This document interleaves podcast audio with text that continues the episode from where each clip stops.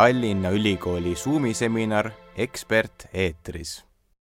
ja Kriste, ütle sina, näita nii, kui sa kuuled mind hästi. nüüd kuulen.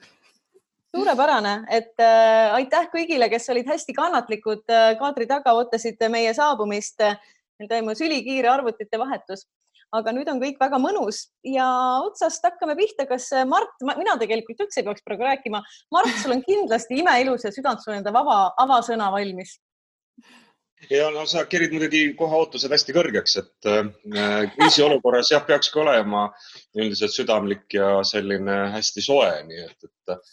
äh, ma püüan selle tuulise ilmaga siis olla ja ütlen, et äh, mul on suur rõõm teid näha äh, Zoomi seminaril. loodan, et olete terved, et Äh, püsite kodus ja me püüame teie sellist kodus püsimist äh, siis jälle järgneva tunni aja jooksul teha vähekene põnevamaks. Äh, algas Tallinna Ülikooli Zoomi seminar Ekspert eetris ja kõik need korrad, kus te ei ole saanud meil osaleda, siis teadke, et videod on üles laetud ja helifailid ja kokkuvõtted leiate kõik Tallinna Ülikooli veebilehelt ja täna on meil ekspert eetris lausa kaks ehk et Grete Arro ja Kriste Talving. tere, Grete, tere, Kriste. tere. tere. Olete kenasti kuulda ja Grete ja Kriste on Tallinna Ülikooli Haridusteaduste Instituudist ning räägivad efektiivsest õppimisest ning ootavad kõikide õppimisega kimpus olevate inimeste küsimusi. kirjutage need küsimused meile Zoomi seminari vestlusboksi või vestlusaknasse ja seminare modereerin siis mina, Mart Soonik, BFM-i avalike suhete lektor. Aga enne veel siis mõned äh, olulised tehnilised juhised. kui soovite küsida, siis kirjutage oma küsimuse chati, nii et, nii et kõik seda näeksid ehk et sellesse vestlusaknasse. kui soovite nime muuta, siis võite oma pisipildi juurest muuta nime rename alt. kui ei soovi oma nägu näidata, siis valige vasakust nurgast stopp video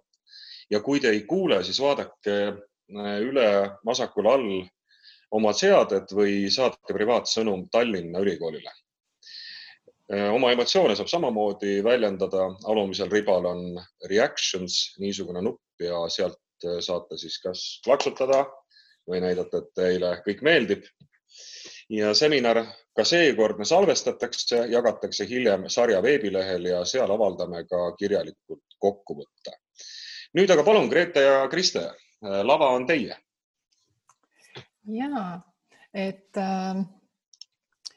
kui me mõtlesime sellele olukorrale ja miks meil just selline pealkiri, et äh, mida eriolukorras ei õpi, seda tavaolukorras ei, ei tea, et äh,, et siis äh, mina kui nii-öelda ülikooli töötajana ja reaalselt ka hetkel siis distantsilt äh, ka koolis õpetajana Äh, jäin mõtlema ja, ja, ja kuidagi tekkis üks selline paralleel hetkeolukorrale. et, äh, et see olukord, kus me sattunud oleme nii õpetajate kui õppijatena, on selline paras ette teatamata esietendus. et koolidel ja õpetajatel on võimaldatud eelnevalt sellist jupiti etenduse osade harjutamist, et me ise ka ütleme lastele, et kui ikka amps on liiga suur, äh, siis võta lugu juppideks ja, ja harjuta väikeste osade kaupa. aga need osad tuleb üks hetk kokku panna. et, et nende osade kaupa harjutamist on meile nagu võimaldatud koolides äh, ja, ja, ja see on osade kaupa võib-olla täitsa hästi meil välja tulnud. aga selliseks kokkumänguks selliseks täispikaks prooviks äh, või peaprooviks äh, võimalust ei ole olnud. Ja nüüd tuleb välja, et äh, see visati päris korralikult meile niimoodi jalge ette, et võtke ja nüüd närige ja, ja olgu see etendus olla. et, et kui, kui ma mõtlen, mis osades siis koolid, mis osasid nii-öelda harjutatud on,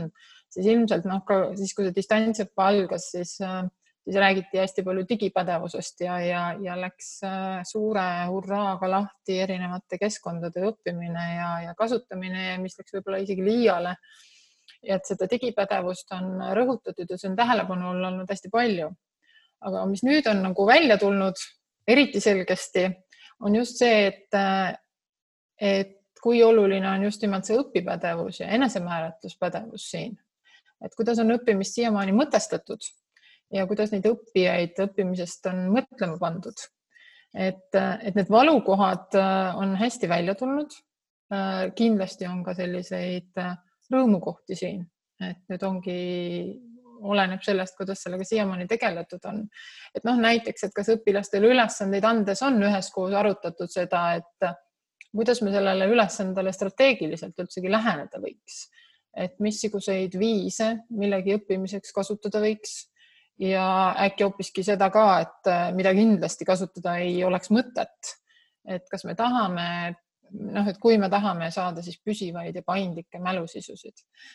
et kui, kui seda õppimist ei ole võetud kui sellist mõnusat protsessi, milles üheskoos tiimina õpetajad, õpilased on, kui ei ole räägitud ja teadlikult tegeletud koos äh, õpilastega siis tõhusate õpistrateegiatega ja õpimüütidega, et kui ei ole neid vigu ja eksimisi siis õppimisprotsessis normaliseeritud,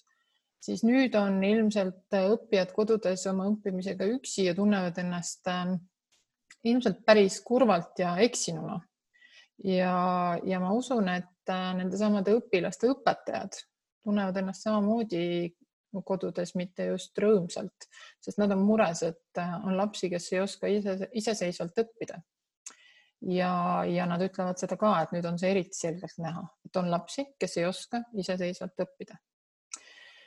praeguses olukorras on äh, on neile noh, väga suureks ja, ja esmaseks abimeheks just see, et, ähm, et kui head on nende enesejuhtimisstrateegiad, äh, kui hästi nad neid tunnevad, kui hästi nad tunnevad oma mõtlemisoperatsioone, kui ta, kui hästi nad teavad õppimisest kui sellisest, et, äh, et kui nad on jännis, kas nad siis, mis emotsioonid neil tekivad ja mis nad nende emotsioonidega peale hakkavad. et, ähm, et see ongi see, et kas nad on nüüd sellest teadlikud või nüüd see vahe sisse, et kas meil on jännisõppe õpilased ja, ja sellepärast ka mures õpetajad või, või, või on nende asjadega korras. et me võime arvata, et ähm, me ühesõnaga, me võime, meil on oma, oma arvamused ja, ja meil on ka tegelikult uuringud selle kohta, et äh, miks need asjad võivad äh, koolis tagaplaanile jääda. ja Äh, Grete, kas sa näitad nüüd seda, mhm, seda slaidi meile? nii, kas sa tahad, et jagaksin ekraani? just, et ja. jaga meile. ja otsekohe mm, -hmm. Et, et võttes siis seda mõttekäiku edasi arendada ja me kohe-kohe läheme ka teie küsimuste juurde. aga et üks meie selline, eh, kuidas öelda Äh, fookuspunkt viimasel ajal äh, hästi pikka aega juba on olnud just nimelt seesama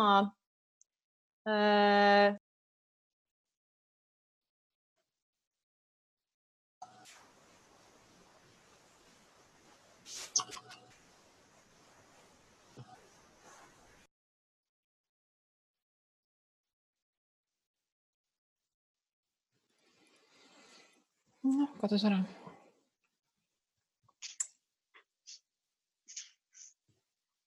niikaua kui Grete tagasi tuleb,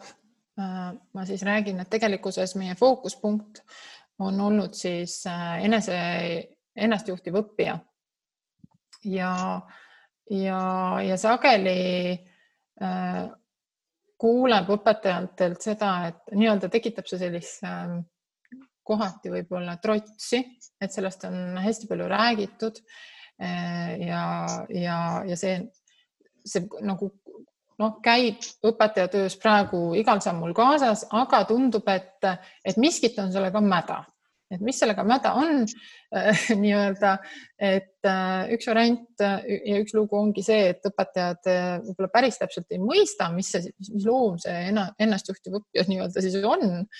millest me siis pärast ka räägime, et kuidas, kuidas sinna jõuda. aga teine asi on see, et miks ta võib-olla tahaplaanile on jäänud, on see, et et õpetajate uskumused selle kohta, kuidas või, või miks või kas üldse sellist asja on võimalik õpetada. ja, ja siis uurija Lawsoni ja teiste uuringu tulemusena on selgunud siis sellised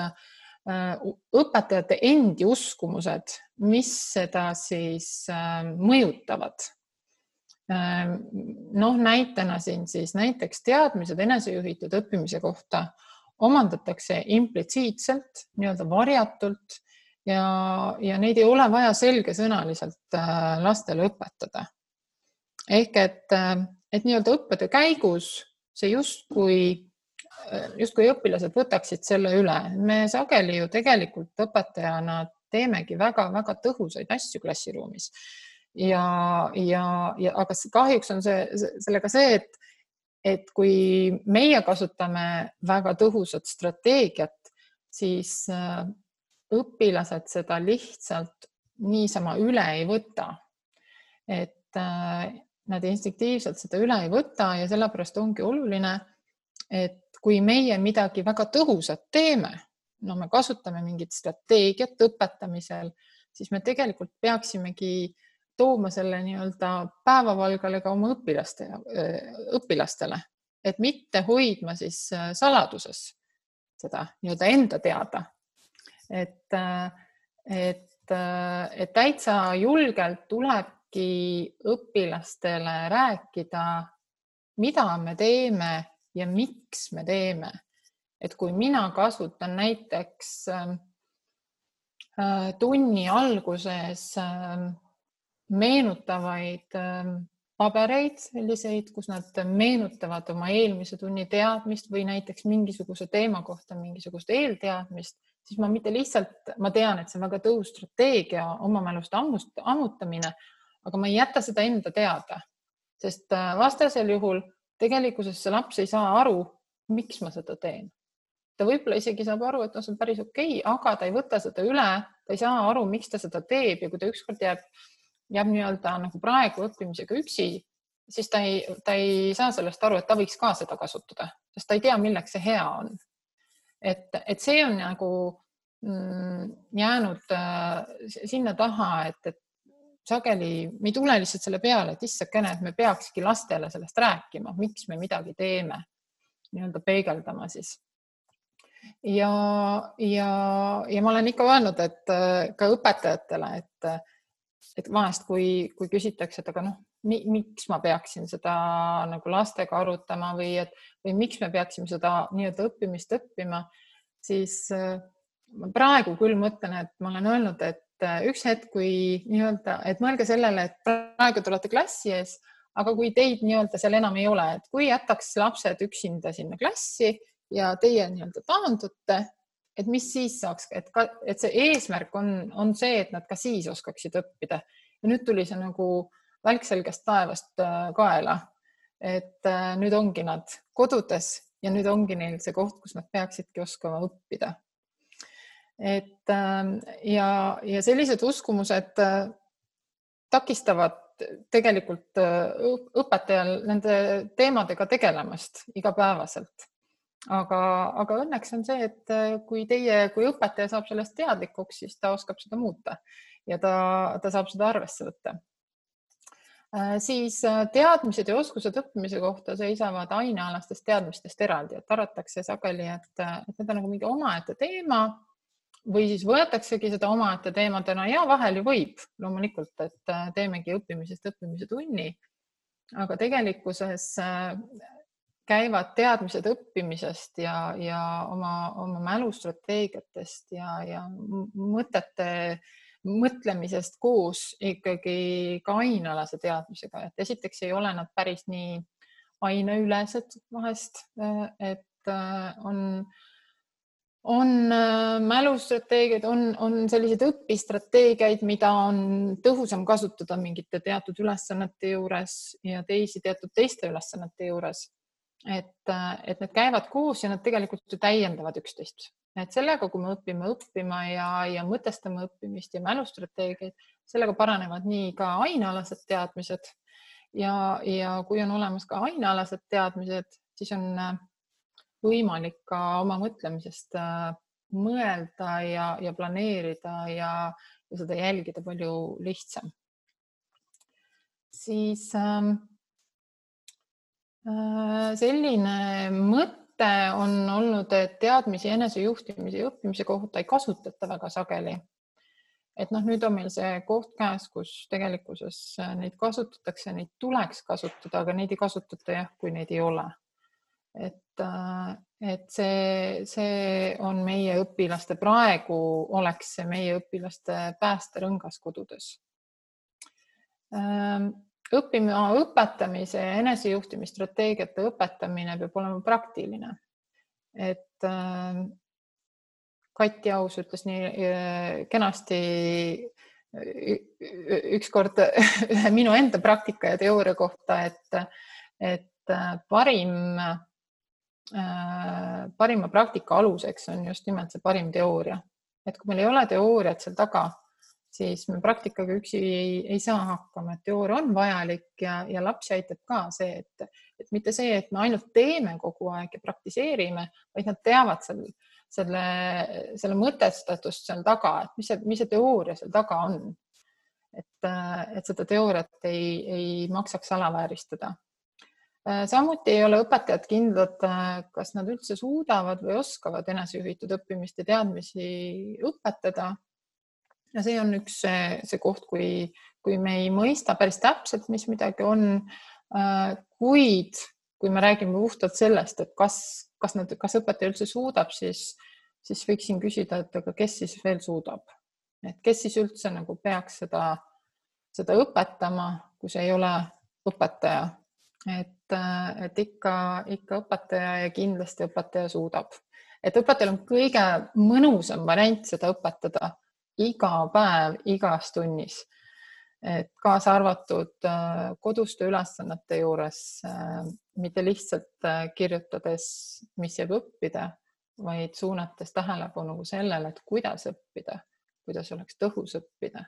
mis strateegiaid kasutada ja, ja järgmist tundi alustades rääkideski sellest, et kuidas keegi õpib. et nii saab see nii-öelda, läheb see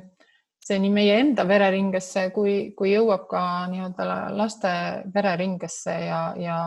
ja nad, kui nad juba hakkavad pidevalt sellele mõtlema, kuidas nad õpivad,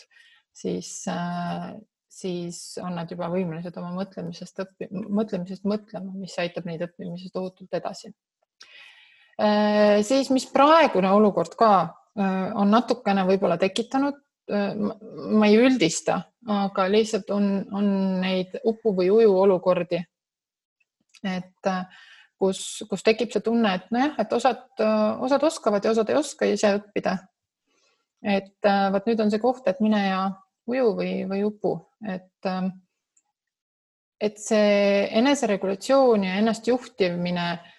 see on väga aeganõudev, see vajab harjutamist, see vajab teooriat, Äh, praktikat, see vajab vigu äh, ja, ja nende analüüsimist, et see ei ole nagu päris see, et, et vot nüüd on meil käes see koht, kus sa pead ise õppima, et me oleme jõudnud näiteks distantsõppele. et nüüd näidake, kuidas te ise oskate õppida ja, ja, ja sildistame, et vot on neid, kes ei oska. on küll, aga, aga ka nemad, neid on võimalik õpetada. et äh, see instinktiivselt see omadus ei tule Äh, see ei arene õpilastes instinktiivselt. et äh, seda tuleb õpetada, seda tuleb harjutada ja loomulikult koperdatakse ka seal omajagu, aga selle, sedasi ju me õpimegi, see on see kõige magusam õpikoht. siis äh, põgusalt rääkisin ka selle uskumuse ära, et enesejuhtimine aitab vaid mõnda õpilast. et noh, on siis neid, kellel see on ja, ja kellel justkui ei ole ja ilmselt ei tule ka et ei, et, et on, on täitsa teaduslikult kindlaks tehtud, et, et oma mõtlemisest mõtlemine ja õpistrateegiate tundmine mm, ja mõtlemisprotsesside tundmine aitab äh, nii äh, vähemate võimetega õpilasi kui ka kõrgete võimetega õpilasi. ja, ja, ja see üks selline noh, karm uskumus, et ennastjuhtivust ei saa õpetaja õpetada, et see on võimatu, et siis taaskord see, et kes siis veel, et meil on kõige-kõige-kõige mõnusam variant seda õpetada. ega Grete meil tagasi ei ole? ma olen väga tükk aega juba tagasi, kas te kuulete mind? Et äh, ma ja ma rääkisin kusjuures õudselt ilusa jutu ära, mulle nii meeldis see. Ja siis ma sain aru, et äh, ekraani jagamine oli äh, võtnud mind tegelikult kuidagi maha okay.. aga mul on tunne, et jah, et tõesti, et me tahtsime raamistada, kuna meil on neid õppimisalaseid ütleme, alateadmisi on nii palju, et siis võib-olla see raamistus, et, et mis on üks suurim võib-olla mõnikord õpilase arengutõke ongi need õpetaja võib-olla vähesed uskumused nii õpilase võimekuse arendatavusse, kuigi see konkreetsemalt tema vähesed teadmised ja, ja uskum nii-öelda võib-olla mitte kõige õigemad uskumused sellesse, äh, et me peame õpi, õppimist eraldi õpetama. Ja mul on nüüd tunne, et nüüd me võiksime olla juba selles kohas, kus me võtame Mardi abil neid küsimusi, eks ju, ja mina hetkel kõiki neid küsimusi ei näe, ma näen ainult Sigridi küsimust Äh, mis ilusasti illustreeris täpselt seda, mida Kristja samal hetkel rääkis, aga võib-olla Mart, kas sul on seal mingi hea selektsioon näha, et, äh, et tahad meile midagi ette sööta? mis on kõige enam põletav? siin on, siin tegelikult selle everyone all on täitsa diskussioon, mitte ainult enam küsimused, vaid ka kommentaarid ja üksteist aidatakse ja seletatakse. näiteks on üks küsimus, mis on ette tulnud selline, et lapsevanemad olid algul meeleheitel, et nad pidid oma koduõppel olevaid lapsi õppimise juures nii palju aitama ja isegi õpetajad ise on näoraamatus kirjutanud, et nad omaenda laste kodus õpetamisest on täiesti kurnatud. Ja tema küsimus on olnud see, et kas edaspidi ei peaks olema iga koolinädala sees üks päev veebiõpet, et õpilased harjuksid iseseisvalt õppima. Ja siin on üks näide, Aet on kirjutanud eelviimase sõnumi meile, kus ta ütleb, et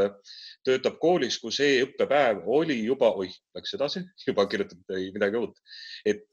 koolis, kus e-õppepäev oli juba harjumuspärane nähtus ja sellest kogemusest oli kriisi puhkedes väga suur abi, nii et kas üks päev nädalas veebiõpet võiks meid eh, tulevaste kriiside jaoks paremini ette valmistada?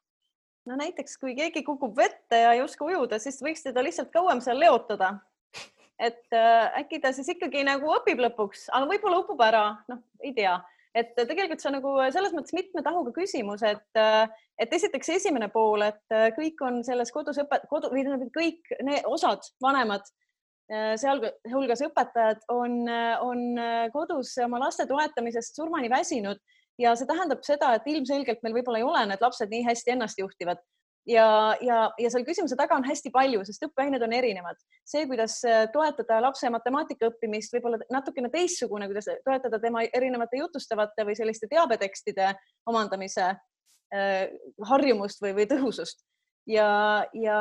ja iseenesest selline mõnus klassikultuur võiks olla selline, nagu tegelikult Kriste on rääkinud oma klassist, nii et nad pidevalt reflekteerivad, mida nad teevad, kuidas nad õpivad ja selleks tegelikult noh, ideaalis ei ole meil elu el, eriolukorda, et lapsed teaksid, kuidas ennast aidata, kui nad ei tea, äh, mida parasjagu hetkel teha, kui nad hädas on. ja mul on tunne, et kui me suurendame seda olukorda ilma neid oskusi andmata, see on natuke sarnane olukorrale, kus äh, laps käitub tunnis halvasti ja selle asemel, et püüda mõista, mis on selle probleemkäitumise taga, mis on lapse mure, selle asemel me kirjutame talle märkuse või saadame klassist välja ja alati jääb üles küsimus, et nii, tal on mingisugune oskuse defitsiit, onju ta sai märkuse, kuidas õpetab see talle seda defitsiiti, kuidas ta saab paremaks selles oskuses.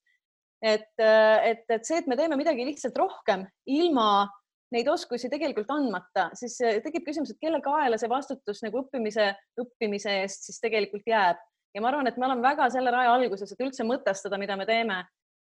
äh, õppimise toetamisel, et äh, kui kui kogu see aur siin kuu aega eriolukorras on tegelikult läinud ju suuresti logistikale, et kuidas me saame materjalid õpilasteni, kuidas nad saavad oma ülesanded ehitada, hinnata või mitte, sest siis, kui me oleme need materjalid kõik saanud võib-olla lapsega ühte, ühele lehele, siis ega õppimine pole ju alanud, et õppimine peaks olema see, kuidas õpilane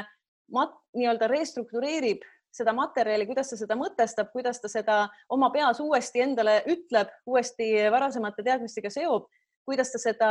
oma mälust püüab uuesti kätte saada, et see kõik vajab eraldi teadmisi õpiprotsessi kohta ja nii nagu Kriste ilmselt mitu korda juba ütles ja mis ei saa mitte kuidagi, mida ei saa kuidagi öelda nagu liiga, liiga palju kordi, on see, et kui õpilased õpivad nii, nagu neil endal torust tuleb ehku peale, siis nad tegelikult ei komista õigete õpistrateegiate otsa, sest õiged õpistrateegiad tunduvad ebatõhusad. näiteks tundub üsna ebatõhus see levinud õpistrateegia, tähendab, vabandust, mitte levinud, vähe levinud, aga väga äh, tõhus õpistrateegia, vaba meenutamine ehk siis püüdmine materjali oma pikaajalisest mälust kätte saada, ilma et sa näiteks seda enne korraks läbi loeksid või enne läbi lappaksid.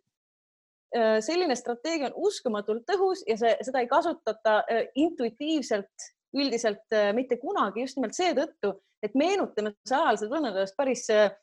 tobuna, eriti palju meelde ei tule. See ei tundu praktiline. Ja enamike arukate õpistrateegiatega ongi nii, et sel ajal, kui sa neid teed, kui sa teadlikult ei tea, et just nimelt seda asja tuleb teha,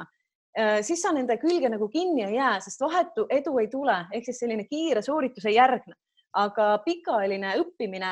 ongi see, mida sageli ei juhtu siis, Eh, kui kiire sooritus juhtub, ehk siis kui ma kiirelt suudan lühimälus midagi produtseerida, see tegelikult ei seostu pikaajaliste mälusisude tekkimisega ja vastupidi, ehk siis äh,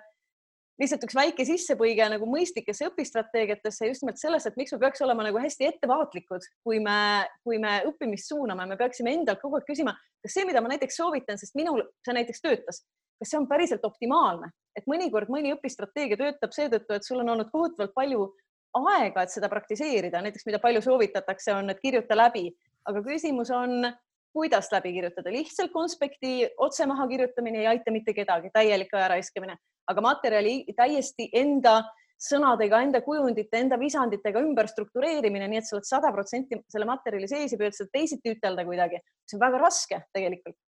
vot see, sellest oleks päriselt kasu, nii et äh, iga selline küsimus äh,, kui keegi õpib ja kui ta on ebaedukas, siis tegelikult me peaksime alati küsima, et mida ta täpselt selleks teeb, et ta õpib, et mis, mis parasjagu, mis protsess seal ajus toimub, see on kõige põnevam.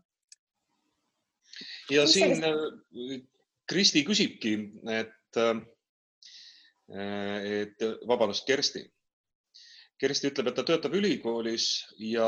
tal on plaan teha koostöös tudengitega neile õppematerjal õppimisest, aga selline õppematerjal võiks olla ka vanematel ja lastel.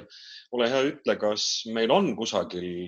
võimalik vaadata, ma ei tea, ühel lehel hästi lihtsalt ja selgelt sõnastatud äh, häid õpistrateegiaid kindlasti on olemas ka mingi üheleheline leht kogu astrofüüsika kohta kusagil. näiteks jah äh,. aga tegelikult Kriste, ma arvan, et me viskame siia chati selle õppimise abc lehe, et tegelikult lihtsalt, et neid materjale on erinevaid ja tegelikult, mida me just nimelt selle eriolukorra alguses nagu kokku panime Kriste ja Katiga, Kriste vedas meie toredat kirjutamist, oligi selline natukene põhjalikum materjal me murdsime läbi vastupanust teha üheleheküljeline, tegime seitsme, et kui ma arvan, et, et kui lugejad tõesti tahavad natukenegi sügavamaks minna, siis, siis seal me oleme läbi käinud mingisugused teemad ja muuhulgas ka need tõhusamad õpistrateegiad. Ja tegelikult on Tallinna Ülikoolis koos Kati Ausiga, eks ju, Kati Ausi vedamisel produtseeritud ka terve eh, lühifilmistik erinevatest õppimist toetavatest psüühilistest protsessidest, mis ongi mõeldud kõigile õpetajatele, lapsevanematele ja, ja õppijatele endile, kus saab ükshaaval vaadata, kuidas täpselt eh, oma õppimist toetavatest mehhanismidest aru saada, et see on veel sügavam, seest on seal liikuvad ja rääkivad pead ja saab vahepeal teha ka erinevaid ülesandeid. nii et selle võime ka siia pärast visata. Äh, kas on veel küsimusi? ja siin on võib-olla üks soovitus, et õppematerjal võiks olla hästi-hästi praktiline, et tee seda ja tee teist, aga ära tee näiteks seda. ma eeldan, et ju sellelt leheküljelt siis niisugust praktilist nõu saabki ma tahan hoiatada, ma olen nõus, ma kohe annan järgmiste küsimuste juurde, aga ma tegelikult natuke selles mõttes tahan hoiatada, et et äh, jah, et võib-olla tõesti, kui sa oled ise õppija, sa oled hästi veendunud, et see autoriteet, kelle, keda sa praegu nagu siis kuulad, on noh, raudpolt õigel teel. Aga üldiselt ikkagi inimesed teevad nagu järjekindlamalt asju, kui nad teavad selle põhjendust, näiteks kui meile ütleks, no ütleme valitsuse Äh, või eriolukorra juht, et kandke maski, aga põhjendust ma ei ütle, miks, noh, see on natuke salapärane, et lihtsalt, et ma ütlen, onju, et ma arvan, et inimesed ei kannaks maski või ei peseks käsi ja kui öeldakse, et kanna maski või pese käsi sellepärast, et siis sa ei jää haigeks ja kaitsed teisi. Et inimene tahab põhjendust, et selles mõttes, et kui me räägime õppimise puhul teooriatest, siis teooria ei ole midagi, mis ei puutu asjasse, see on üsna vale arusaam teooriast, et kui te olete kuulnud teooriaid, mis kuidagi eluga kokku ei lähe, siis äh, ei ole need teooriad vaid muinasjutud. teooria on ikkagi praktika selgitus et mõnikord on lihtsalt õppijal endal või siis õpetajal väga suur abi sellest, kui ta teab, miks see töötab, kui ta näiteks teab, detailsemalt, miks teatud tegevused toetavad pikaajaliste mälusisude tek teket, nii et mõnusalt, mõnusalt saavad need teadmised sinu osaks. mul on ebastandardse kujuga kõrvad ja, ja, ja, ja, ja tal on võimalik motiveerida, meid motiveerib see, kui me teame tege-, nii-öelda põhjendusi, et, et me ei taha, me teame, et lapsed küsivad väga sageli, milleks seda vaja on. Ja päris kindlasti küsivad nad seda juhul, kui neilt nõutakse pingutuse investeerimist millekski, mille kasutegurit nad ei näe. Ja kui me eeldame, et nad teeksid neid raskemaid õpistrateegiaid, nad ei jää nende juurde kinni, kui nad ei tea seda põhjendust, aga kui nad iga kord saavad endale öelda, see on üsna raske, või et ma pean valima keerukama ülesande, millega ma pean pusima, aga see on sellepärast, et siis mina lähen intelligentsemaks. või et kui ma tahan, et, et mul on vaja see asi meelde jätta, ei ole mõtet vaadata, kuidas treener seda teeb videos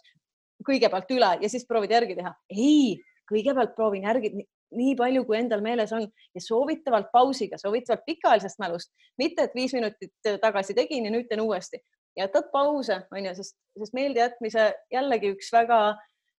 maha vaikitud komponent on tegelikult unustamine, et äh, näiteks seesama teadmine, et kasulik on õppida pigem suuremate ajaliste intervallidega kui väiksemate, selle peale ka inimesed ise ei tule, aga ma tahaks selle küsimuse suunata nüüd Kristele.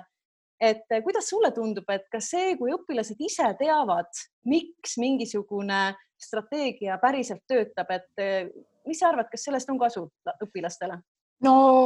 kui ma mõtlen, et kui paljud teist kuulajad teeksid midagi mida meie teile ütleme, näiteks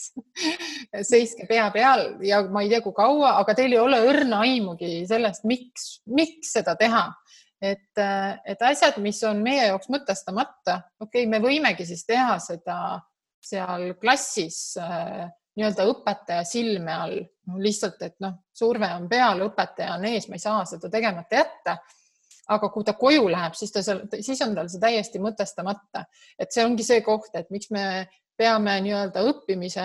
õpilastele päevavalgele tooma, sellepärast et minu arust põhiküsimus või nagu see, see fraas on see sellepärast, et, et ära õpeta midagi ilma sellepärast etita. et, et see, nad ei mõtesta seda ja nad ei võta seda omaks, et see ja samamoodi see ei käi kiiresti, et et, et see ei ole see koht, et aga me rääkisime sellest eelmisel aastal juba või me alustasime oma aastat selle sissejuhatava tunniga,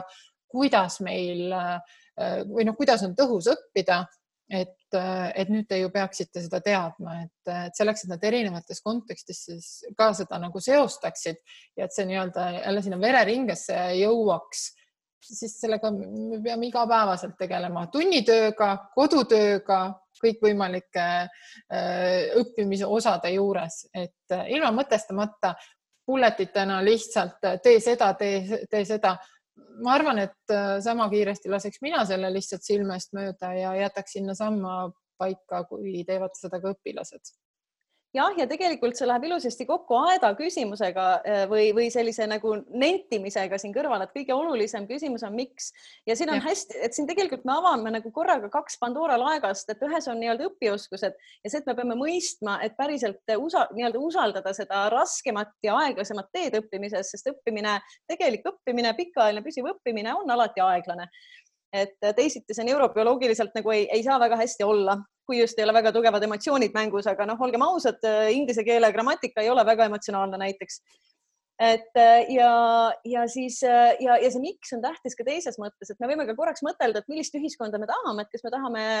põhjendusi, mitte teada tahtvaid käsualuseid või me tahame neid, kes päriselt küsivad, äh, miks midagi toimub, mis on mõistlik, uurivad, kes mõtlevad kriitiliselt, kes uurivad põhjendusi. Ja, ja mõnikord, äh, kui natuke teisest otsast motivatsioonile, see miks küsimus on motivatsiooniga seotud küsimus, äh, natuke teisest otsast läheneda, siis, siis aeg-ajalt me kuuleme ka seda, et mõnikord õpilased ei ole nagu või, või inimesed üldse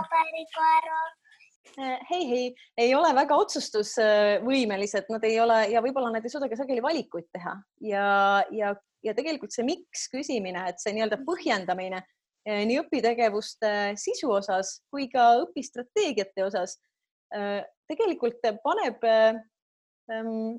e-, ja eriti kui lasta seda miks küsimust ka õpilastel endal vastata, miks, mis te arvate, miks me niimoodi õpime, mis te arvate, eh, miks on mõistlik katsetada sellel või teisel moel? et kui me võimalikult palju seda neil laseme mõelda, anname vabadust nendele, aga samal ajal anname ka arukaid põhjendusi, siis tegelikult kujuneb nende sisse palju tugevam selline ise mõtestaja, ise otsustaja ja seda me tegelikult tahame, et neil endil on väga palju lihtsam hiljem elus, kui, kui nende jaoks on tegevused maast madalast olnud võimalikult hästi põhjendatud vaata, kui, kui seda miks'i ei ole ja kui see nende jaoks on põhjendamata, siis, siis, siis see lõpptulemus on see, et me võime olla selles olukorras, et aga mis me nüüd teeme, et hindeid ei panda. et kuidas me neid äh, lapsi motiveerime, me ei saa ju hindeidki panna, et me ei saa survestada neid kuidagi, et äkki me siis piirame neid ajaliselt või kuidagi, et, et saaks jumala eest, et millega ma neid motiveerin? Et kui neil siiamaani on see miks puudu olnud ja nad ei tea, miks nad õpivad või kuidas õppimine toimub, siis nemad on äh, lost kodudes ja õpetaja mõtleb, et aga millega ma nüüd nad tööle panen. et kui see miks on puudu jäänud. ma siin äh, tahaksin ära rääkida ka ühe kommentaari ühelt kooliõpilaselt, kes on seitsmenda klassi õpilane ja kirjutab seda, et esimesed nädalad olid rasked, aga iseseisvalt õppimisega harjus ta üsna kiiresti ära samas on äh, tekkinud selline mure, et kui on mingid teemad, mis on rasked ja ma ei saa aru, mis see teema on, ma olen küsinud õpetaja käest seletust, aga mulle on vastatud, et õpi ise või otsi ise välja. ma saan aru, et on palju tööd õpetajatel, aga võiks ikka aidata. kas on soovitusi, kuidas saaks teemast aru, kui ise ei saa ja õpetaja ei seleta? noh, aga jah ja,, Grete hoidis korra peast kinni noh, ma mõtlesin nagu niimoodi, et tegelikult on ju õudselt tore on ju ka nii, et äh, kui nad ise õpivad, et siis ühesõnaga, et niipea kui ta vajab abi, siis ju õpetamine algab, eks ju, et sel ajal, kui ta vaja, ei vaja abi, siis õpetajal selles mõttes on ju võimalik kõrvalt rõõmsalt plaksutada, et jee, ta saab aru, nii mõnus, aga õpetamine hakkab ju pihta siis, kui õpilane jõuab sellele piirile, kus tal on natukene välist abi vaja. või mis sina arvad, Kriste? Ja et, et ma olen ikka öelnud, kogu aeg räägin, et jumal tänatud, et te teete vigu, jumal tänatud, et te eksite või jumal tänatud, et te ka praegu minu abi vajate, sest vabandage väga, muidu me võime ju need õpetajad nende samade Zoomi keskkondade vastu või arvutite vastu välja vahetada, et siis meid ei olegi ju vaja. et, et see on ikka ainult positiivne. mis ma nii kurb, kui see ei ole, ma antud äh, kontekstis päris nii-öelda sisse inimestele minna ei saa ja, ja, ja aga ma saan soovitada äkki seda, et äkki sul on mingi tore õpikogukond, nii-öelda klassikaaslased, kellega selline hea õppimissuhe on, et, et, et niipidi läheneda. ma küll siiralt tahaks jõuda sinnani, et, et õpetaja võtab selle hetke, et jess, nüüd ma saan õpetada. aga, aga kui noh, tegeleme sellega, mida me muuta saame, mida me praegu siin muuta saame, et äh, siis, äh, siis ma soovitaks oma toredate klassikaaslaste poole kasvõi pöörduda. ja, ja tegelikult siin tuleb ka välja see, mida, mida ka eriolukord on nagu tegelikult mõnes mõttes väga kasulikult välja toonud et äh, sel ajal, kui me käimegi koolis, siis, siis äh, noh, mõnikord ka kooli ajal äh, jääb varjatuks see, et mingeid asju lapsed ikkagi piisavalt kiiresti ei taipa, aga eriti ja, ja mõnikord need vanemad aitavad mingid ülesanded ära lahendada ja siis õpetajale jääb mulje, et nad ju oskavad, aga tegelikult on see tehtud välise abiga ja, ja teadmisi õppija peas konstrueeritud ei ole ja, ja tegelikult, mis toimub, äh, kodus õpilased õpivad õppimist ja koolis õpetaja mängib õpetamist, aga, aga seda aeglast ja rahulikku äh, teadmise konstrueerimise protsessi, mis, kus on vahepeal tagasikäigud, vahepeal koperdamised, vahepeal valearusaamad, siis jälle neid parandatakse, siis vahepeal võib-olla keegi läheb natuke närvi, seda aeglast mõnusat protsessi tegelikult ei toimu. Ja me võib-olla aastate kaupa mängime üksteisele seda õppimist ja, ja mul on tunne, et praegu on ka paljud didaktikud võtnud sõna ja öelnud, et ärge tehke, palun andke õpetajatele märku, kui, kui õpilane ei saa aru või et noh, et ja ma saan aru, et võib-olla kõik õpetajad tõesti mingil põhjusel ei, ei, ei tule siis õpilasele appi, aga see peaks olema ikkagi õpetaja noh, tegelikult nagu Kristi ütles, jess, nüüd on see koht, kus ma päriselt saan nagu proovile panna, kuidas seda teemat paremini, selle teema mõistmist paremini toetada. Aga ja, aga siin tuli Rangel, Rangelilt üks mõte, et äkki me, Kriste, kommenteerime ka seda, et ma ei teagi, kas Rangel mõtles seda kui sellise paratamatuse nentimist ja, või ja, ja siin on tegelikult väga mitu mõtet, mida võiks välja tuua, et üks on näiteks see, et, et tõesti, et õpetaja töötab sageli sellele, kuidas näiteks teda õpetati või kuidas, mis temale sobis ja see on just see koht, kus me võib-olla, meil oleks kõigil aeg lahti lasta natukene ka sellisest kogemuspõhisusest et, et mõnikord on nii, et need asjad, mis tunduvad meile mõistlikud ja mis on töötanud, näiteks noh, seesama, mõnikord soovitatakse jooniga materjali alla.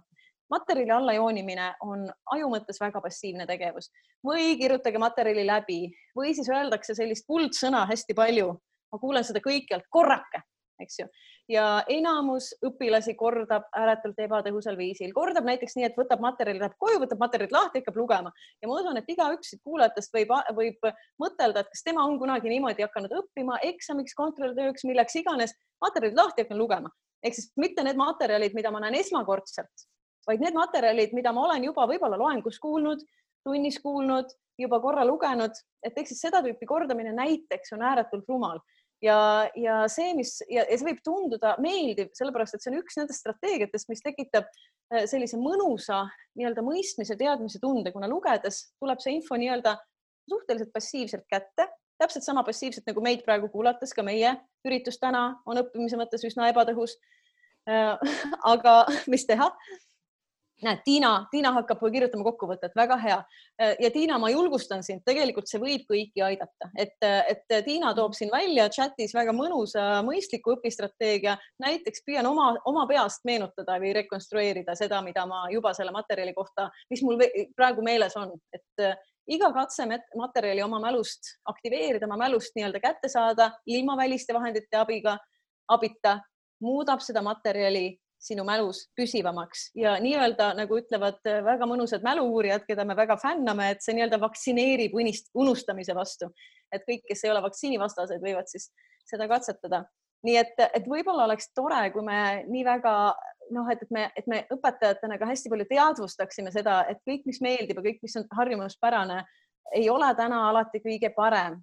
ja, ja, ja samas ütleb Ragne et äh, klassiruumis on lai spekter ja selles mõttes on õigus, et me oleme loomulikult kõik unikaalsed, aga teate, mis on tore?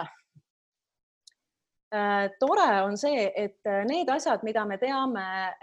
õppimise või mälu, nii-öelda mälu, püsivate mälusisude kujunemise kohta, on küllalt universaalsed, noh nagu kops on ju, see on mu vana kopsu näide, et ei ole nii, et minu kops töötab hästi teistmoodi kui Kriste kops et kui ma lähen kopsu arsti juurde, siis ma ütlen, et kuulge, et teate, te ei ole sellist kopsu kunagi näinud, ma olen nii unikaalne. ei, ta teab, ta tunneb su kopsu, onju, ta on seda õppinud. et ja sama on nagu mäluga, et loomulikult võib olla nii, et mõni vajab rohkemaid kordi mälust ammutamist, mõnel võib-olla lingib mõni hoopis mingi teine seos, nii et tal tekib parem arusaam asjast. Aga põhimõtteliselt need, mis on mõistlikud ja ebamõistlikud õpistrateegiad, on küllalt, küllalt ühesugused. Ja rebane küsib, kas kordamise kohta öelda on teaduspõhine et äh, kindlasti äh, on teaduspõhine see, et materjalide jutti läbilugemine või nende passiivne kordamine, vaatamine, lugemine, kõik see, mis on väga lihtne võrreldes nende strateegiatega, mida teha on raske, on ebatõhusamad, et neid, selle kohta on nii palju eksperimentaalseid katseid tehtud,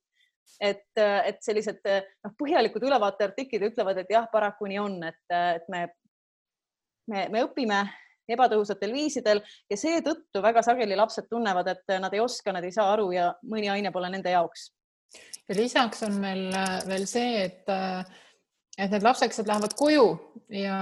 okei okay,, meie õpetajatena oleme ikkagi eelteadmised õppimisest saanud ja täiendame neid, aga, aga kodus lapsevanem noh, ta keskendubki just nimelt enda kogemusele. mina kunagi õppisin nii. minu ehe näide aastatest tagasi, kus ma pidin pikali kukkuma, kui ma seletasin, kuidas jutustama õppida. ja kui, kui tuli laps ja ütles, tead, ma ikkagi läksin koju ja mul ema ütles, et sa pead seda teksti nüüd kord nii kaua läbi lugema, kuni sul see nii-öelda jutuna tuleb. vot, et, et, et siis oli küll babah et, äh, et noh, see vanemate roll on tegelikult lapsele väga oluline. Ja kui ta läheb sinna koju ja, ja talle vanem ütleb, et vot sa siit laua tagant enne ära ei tule, istud kolm tundi, kuni see on selge. Ja meie üritame rääkida, et ära tee kolm tundi jutti ühte sedasama asja, jumala eest ära tee. et siis on see laps nagu mitme tule vahel. Ja sageli, noh, ma ei tea, ikkagi vanem, vanema selline autoriteet jääb vahest ikkagi nagu peale, et, et, et siin on see koht, kus me peaksimegi kõik ühte sedasama rada ajama, sama rada minema. Ja, ja ka see enne tuli Grete jutust välja just see, et, et nende eelteadmiste koht on oluline, eks ju, et miks on osad teatud, teatud teemades kiiremad ja teatud äh, asjade õppimises kiiremad, teises aeglasemad, et neil on erinevad eelteadmised. Ja, ja, ja mis on siis nii-öelda õpetaja hea mõnus koht, alati aktiveeri need eelteadmised, et see koht, et üks hästi tõhus õpistrateegia, strateegia aktiveeri õpilaste eelteadmised. Ja loomulikult mitte nii, et äh, sa midagi ette sööstad, vaid aktiveeri nad siis äh, oma mälust ammutamisega. just, just ja see on nagu täpselt see koht, kus mõnikord äh, väga paljud õpetajad või õpilased ütlevad, et mingi asi on igav või ma ei saa sellest aru, ehk siis igavus ja ma ei saa aru on minu arust hästi seotud asjad. Ja minu arust nad seostuvad ja kusjuures nüüd ma tahan ka uuesti korraks pöörduda selle seitsmenda klassi õpilase poole, kes oli hädas, et ta peab üksi õppima, et äh, me ei oska teda lõpuni aidata, aga võib-olla me oskame talle mõne nõuande anda, et tegelikult on nii, et materjal tundub täiesti arusaamatu äh, ja, või täiesti igav siis, kui see ei oma, ole meie jaoks tähenduslik, kui mina näiteks hakkaksin rääkima hiina keeles, siis teil on esimesed paar minutit ahahaa, väga huvitav onju, aga lõpuks teil hakkab igav, sest te ei saa aru, et minu hiinakeelne jutt, mida ma küll ei oska, ei haaku mitte kuidagi, ei aktiveeri ühtegi eelteadmist. Ja, ja seega tasub mõelda nii, et igas materjalis tegelikult äh, vähemalt noh, kui sul on õpetaja klassiruumis, oled sa siis õpilane, et siis temal on väga palju lihtsam kõigepealt sinu, küsida sinult küsimusi, mis aktiveerivad need õiged teadmised, mille külge saab suus teadmine minna, et kui me ikkagi hoiame sellist äh, nagu neurobioloogilist nii-öelda mälu sisude kujunemist silma ees, siis me võiksime mõtelda uutest teadmistest, mis nii-öelda mei, mida meile näidatakse või mida me kuuleme justkui nii, et äh, kui nad satuvad meie vaimsele töölauale või, või äh, töömällu, äh, siis selleks, et me tahame alati, me tahame seda mõtestada, me tahame sellest aru saada, sest muidu ongi igav siis on hästi tähtis, et see hakkaks millegagi kusagilt midagi ergutama, mingisuguseid varasemaid teadmisi ja te kõik teate, et kui uus teadmine haakub paljude varasemate teadmistega, Äh, siis see on, siis see it makes sense, see tähendab midagi. Äh, kui ta haakub äh, väga palju varasemate teadmistega, siis see on igav, ma tean ju seda, see on mulle nii tuttav. Aga kui ta ei ärgita mitte ühtegi nii-öelda varasema teadmise konksukest, mille külge ta saaks kokku minna, siis, siis millest ta räägib, mis sõnavarad, mida see kõik tähendab, milleks see kõik, see on ju igav. Ja, ja mingis mõttes võiks, mida mäluteadlased minu arust ütlevad väga ilusasti, on see, et mälu salvestusvõime selles mõttes on piiramatu, et mida rohkem sa midagi tead, on ju, seda rohkem sul on konkse, mille külge saavad uued teadmised minna, seda, seda enam kõik asjad äh, on tähenduslikud, ehk siis sa hakkad mingit täiesti uut valdkonda õppima ja siin on all hulk konkse, mis on nagu see. Ja huvitav on see, et äh, kui ma tahan, et varasemad teadmised oleks ka inimesel meeles, siis sel ajal, kui ma uusi teadmisi õpetan, noh, mingist, ma ei tea, uus äh, teema ajaloos ja kui ma samal ajal võimaldan reaktiveerida neid varasemaid, nii et ta ise reaktiveerib muidugi, ta ise toob need oma mällu, mitte mina ei laula talle neid ette, siis ja need, neid nii-öelda aktiveeritakse koos, siis nad hakkavad edaspidi ka koos aktiveeruma ja varasemad õpitakse üle. nii et see on igal juhul väga-väga kasulik, nii et see võrgustik ja, muutub. ja et, et, et ei tuleks seda, seda